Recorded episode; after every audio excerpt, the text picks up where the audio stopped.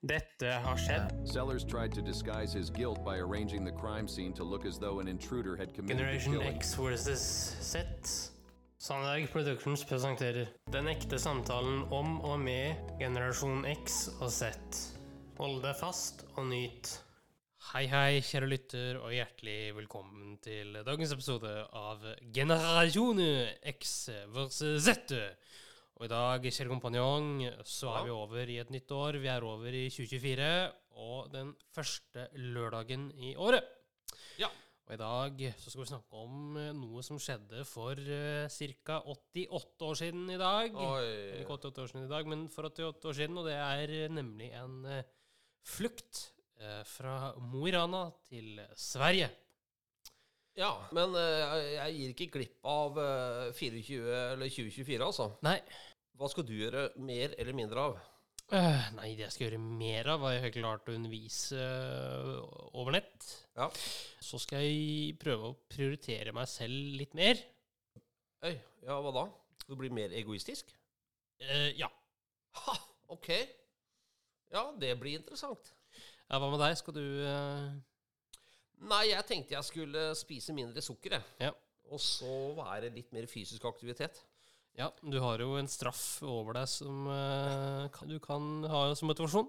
Ja, jeg har en eh, meget eh, høy straff eh, hvis jeg bryter. Eh, det- og det er ikke så lenge heller. Det er 2. 2. januar til til 10. februar. Ja. No sugar at all. Og den straffen, den er høy, og den vil jeg også at den observante lytter skal hjelpe meg å håndheve. Ja, hva da? Det er at det fra den dagen du ryker Ja. Hvis du ryker før 10. februar, så skal du sitte på det tekniske ansvaret her i en måned framover. Ja, det er eh, motivasjon i seg selv, for meg i hvert fall. Ja. ehm, og grunnen til den høye straffen er fordi du ryker sånn hvis ikke du har eh, No, no, no, no, no. Men i dag, seks dager ut i januar, så skal vi snakke om eh, en flukt Ja. som skjedde på vinteren 1943 fra Mo i Rana i nord og til Sverige i sør. Fortell. Jo, det var en flukt eh, som eh, to eh, foreldre og en liten jentunge på fire måneder gjennomførte fra Mo i Rana i nord til Sverige i sør. Som da har blitt gjort om til et hørespill. Ja, så forstår jeg sånn at det var midtvinters og Ja. kaldt. Ja, det var i slutten av november. Du hadde nesten vinteren, ikke noe klær. Er riktig, det. Ikke noe mat. Veldig lite mat, ja. Og Ja. eh, de frøs av seg føttene, de foreldrene. ja, det er forferdelige greier. Vi skal høre det om en uke. En historie fra eh, sønnen til denne eh, lille jenta på fire måneder. Å ja. Hun overlevde, ja. Hun overlevde, og det gjorde foreldrene også, da, men eh, med Ja. fire føtter mindre. ja. Eh, Og nå skal vi høre en dramatisering Eller ikke en dramatisering, en underdrivelse av den flukten. Vær så god. Takk. The Royal Norwegian Information Service presents another transcribed program in the series The Spirit of the Vikings.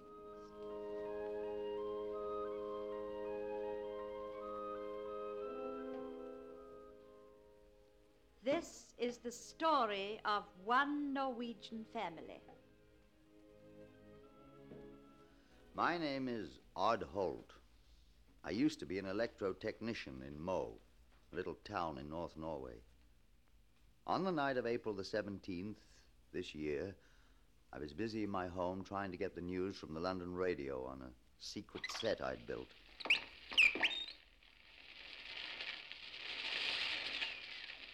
British and American units under General Eisenhower and General Giraud's forces, as revealed by the Prime Minister, are closing in on the Axis forces in North Ah, there's Tunisia. someone at the door. Are you sure? Yes, yes, I'm sure I would. Open up in there, we'll smash the door. Hide the radio, hide it. Okay. I'll open now. Don't move, any of you. Out against the wall. There's no use trying to deny anything. We heard that English broadcast from the outside. Oh, no, there must be a mistake. We've no radio here. You confiscated it two years ago. Shut up! You just wait till I find it. Oh, it's Weber. Ja, Herr Oberleutnant. Search the apartment while I keep an eye on this Norwegian dog. Ah, this is going to cost you your life, you idiotic British agent. So you don't believe the news our press serves you, huh? Want to hear the British version? Ah, you dumbcups! Haven't you found a radio yet? I told you there's no radio here. Ah, get an idea. Weber, take a look in that baby's bed. Stop, stop. I forbid you to touch my child. So you forbid me, huh? Well, just take a look at this gun and see if you think you can stop us. Out of my way. No Nazi shall ever touch my child. Be careful, Odd. You're going to pay for this, you Norwegian dog. I'll shoot you down myself right now. And your wife, too. Now, say your prayers.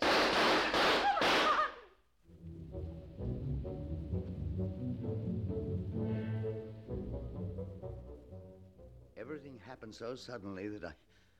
I didn't realize it at once. The German corporal aimed at me with his gun.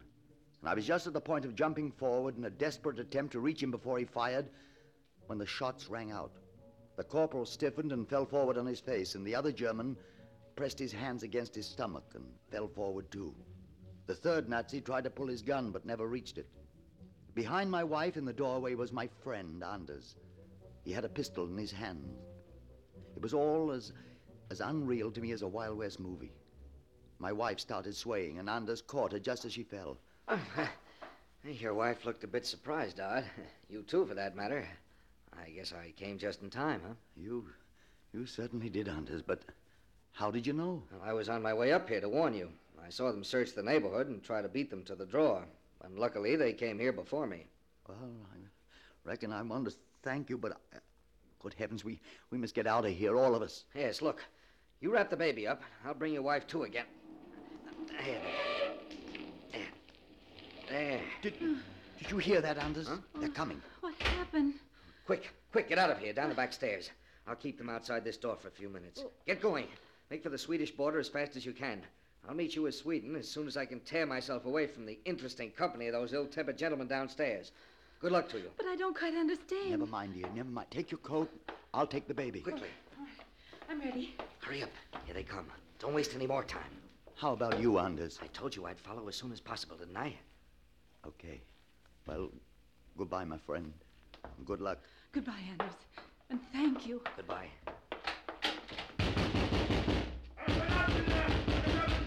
Come and get me, Superman!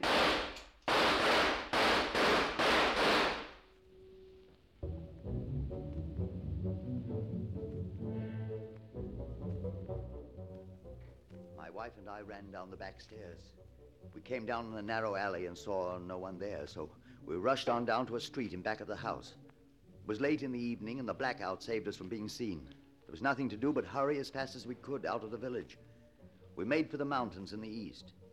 Behind them, more than 40 miles as the crow flies, was safety. But it was bitterly cold, and the country was wild. We had, of course, no time to dress properly for the journey we were going to make, nor, nor had we had a chance to bring any food along. Luckily, the baby was warmly muffled up in her bedclothes. If we didn't have too many bad breaks, we could still manage to get across the mountains. Wait. Wait a minute, Odd. I can't keep up this speed any longer. All right, Ruth. Maybe, maybe we can take it a little more easy now. We're safe here in the mountains for the time being. They don't have a chance to find us until it gets lighter, but by then we'll be far off, I hope. Do you know where we are, Odd? Of course I know where we are. Uh, even if I didn't, we're, we're better off here than in the hands of those Nazis, aren't we? Are you cold, Ruth? Oh, not as long as we walk. How's the baby? She's all right, I guess. She's still asleep. What time is it, Odd? It's about two o'clock, I believe. Oh, then it must be time to feed her then. Ruth, are you crazy? You can't do that here in this cold. Oh, can't I? Isn't it enough that this war interferes with our lives? Should it interfere with the baby's too?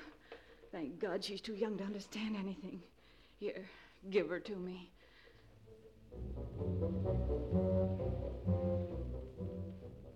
And there, in that dark, cold night, she stripped her breast and suckled the baby. She was so brave that I nearly wept. And there seemed to be hope in that very act. And we stumbled on through the night. The stars were over us to begin with, and I had no difficulties in finding the way, but toward morning, clouds began to gather, and it started to snow. We were more than 2,700 feet up by then. Oh, it was bitter cold. My wife was tired. I was tired myself from carrying the baby. The snow was deep. By this time, our shoes were in very bad condition. Is it still far? Yes, it's a long way. I think we'd better try to find some shelter. We need a rest, both of us. Oh, can't we just lie down for a few minutes? I'm so tired, Odd. Lie down there in the snow and never wake up again? But I, I can't walk one step more. Well, I'll, I'll dig a cave in the snow and we'll have an hour's rest without freezing to death. Oh, I'm so tired, Odd. So tired. How's the baby? All right, I trust. As I'm sure she's all right.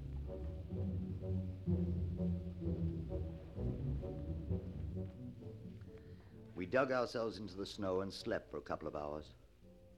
Ruth called me and she was frozen. I gave her my coat and we got up. The baby was still asleep between us. Outside, the light had come, but a snowstorm was raging. We went out and struggled through that storm all day. I had no compass, but there seemed to be only one way to go against the storm. In the evening, we dug ourselves into the snow again. The baby had been marvelous all the time, and so had Ruth, and in spite of the fact that her feet were frozen. I was terribly cold all the time myself without even a coat. My feet, too, were frozen. We lay there waiting for the morning. Hunger burned inside us. And then came the morning. The baby was crying. That's what awakened me. We seemed to have become a kind of team by now. We needed each other. Our baby kept us going. When we came out into the clear, the sun was glaring over the snowy mountain slopes. It hit the eyes like, like darts of red hot steel when we emerged from the darkness. Oh, my eyes. The sun hurts so. I'd cover the head of the baby. Her eyes may be affected too. I think, I think I've got fever. The sun is doing something to me. I don't know what. I'm blinded too. I don't know where we're going anymore. Do you think we're far from the border now? Can't imagine we are. Perhaps we've crossed it for all I know. I can hardly see anything. All I know is that we must keep on going straight east all the time. Straight east. You hungry too, Odd? Yes, but that'll be all right soon. Do you think you can go on for another day? Of course I can. I'm a little afraid because of the baby. I don't think I've got any milk left for her now. She's been crying for some time. Do you think she's hungry? No, she isn't. Thirsty, too. Oh, Isn't there anything we can give her? It's nothing but snow, and that's too cold for her. Do you think we could melt some? I don't see how. We've got. Wait a minute. We can melt it in our mouths. Well, if that's the only way, let's do it. The child needs water. That's all I care about.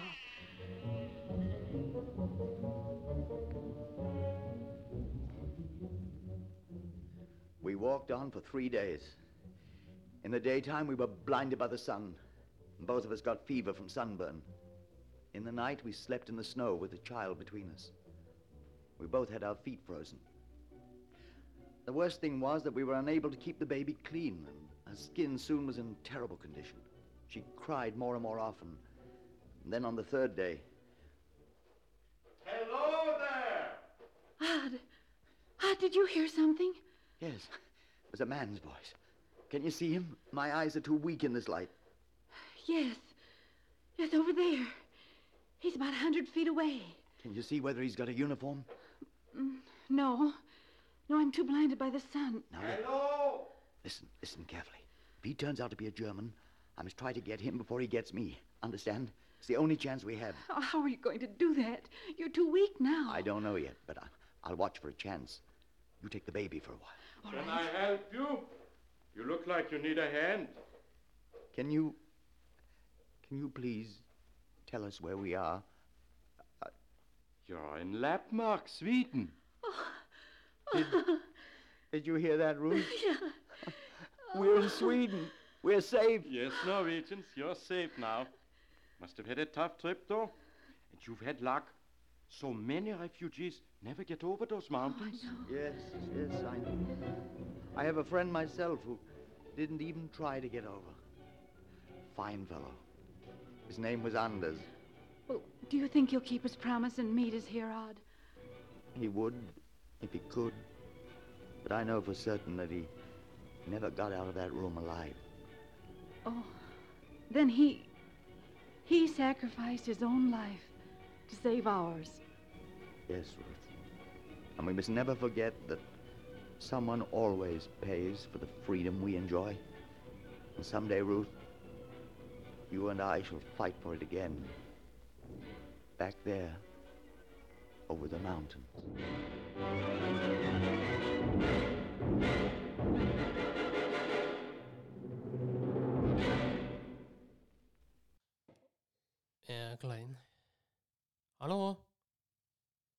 Faderen.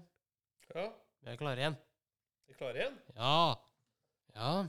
Det var eh, Det var ett av hørespillene, det. Ja, hva, hva, hva hørte vi nå egentlig, Henrik? Jo. Det vi hørte, var den flukten. Ja. Det ble ferdigstilt 1. juni 1943 eh, i New York, eh, faktisk. Ok.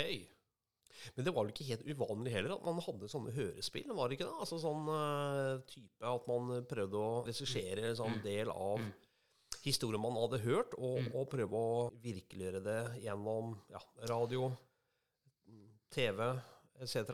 Ja, altså Her da, så har man jo en litt spesiell vinkling av det, for her brukte man det som del av krigføringen. Ja, riktig. Ja, ikke sant. Det er en en form for en, eh, en opplevd eh, sannhetsbilde. En teatralsk krigføring, Ja. eh, vil jeg kanskje kalle det, da. Du har lyst til å fortsette med den historien her, Henrik? Ja. Til neste uke også? Ja. Fordi det er, eh, historien er, er mer sånn som så. Det er flere lag her. Ja. Vi skal høre fra eh, denne jenta, da. eh, Lille jenta på fire måneder. ja. Også fra sønnen hennes igjen. Interessant, interessant. Mm. Og han eh, kommer annet med en oppfattelse som er litt eh, absurd. Jeg kan egentlig bare si til lytterne at stay tuned eh, til neste uke, for da kommer vi eh, med det. Og noe som skal skje senere i sesongen, det er at vi får en, eh, en veldig dedikert lytter inn som eh, gjest. nå er jeg litt usikker på hva du tenker på nå, men hva har du tenkt på? Nei, Hvis jeg tenker på litt sånn uh, rundt uh, helse... Å ja, sånn rundt helse. Ja. Navnet begynner på M. Ja. fader.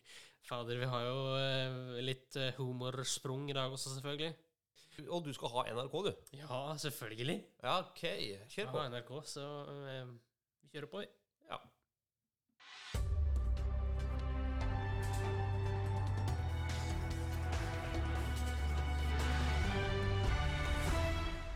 NRK-hjørnet.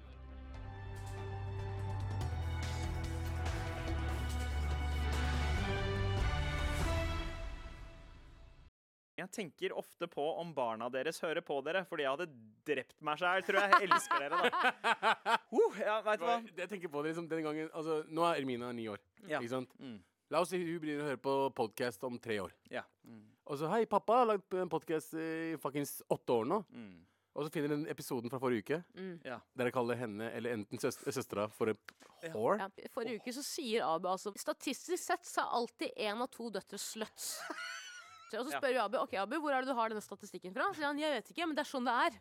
Skjønner du? Det er statistikken fra gata. skjønte du det? Er ordentlig brorstatistikk. Rett og slett, vi har fått inn en melding. Eh, Vi er jo SSB her. Eh, Sexy Slut Brothers. Hilsen vannrenser Roy.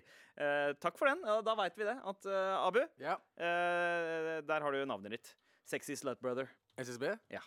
Ja, eller ganske den dagen unga deres går liksom en felles rettssak mot dere som foreldre. Å, fy faen. Ja, men jeg har frykta den dagen så, uh, Ja, for så lenge. så sier dere sånn uh, Unnskyld, kjære dommer. Skal dere høre på oss respektable radioverter, eller skal dere høre på de som 50 er sluts? Hvem er det vi hører på her? Ja, jeg tenker det er verdt å tenke over det man sier og gjør, til etterspill. Ja. Jeg er jeg glad for at du og jeg har det her sammen. da. Ja, ja. Det er klart. eh, For da kan jo du kanskje dra meg litt til noe motsatt. Eh, Og det gjør ingenting hvis eh, si mine barn, da, Ja. ender opp med å høre på det her, for da hører du egentlig bare på faren din og bestefaren din som sitter og prater om ting de egentlig ikke kan noe om. Eh, Det siste er helt riktig. Iallfall ikke jeg. Eh, så akkurat det er jeg ikke så redd for, da. Men poenget er at det foreviges, det vi sitter og snakker om her nå. De gjør det faktisk. Det gjør det. Skal vi høres neste uke? Det kan vi gjøre. Ha det godt så lenge. Ha det godt. Tusen takk for at du fulgte oss. Gi gjerne tilbakemelding, likes eller kommentar på Facebook-siden vår Generation X versus Z. Velkommen igjen til neste podkastepisode. Hei då!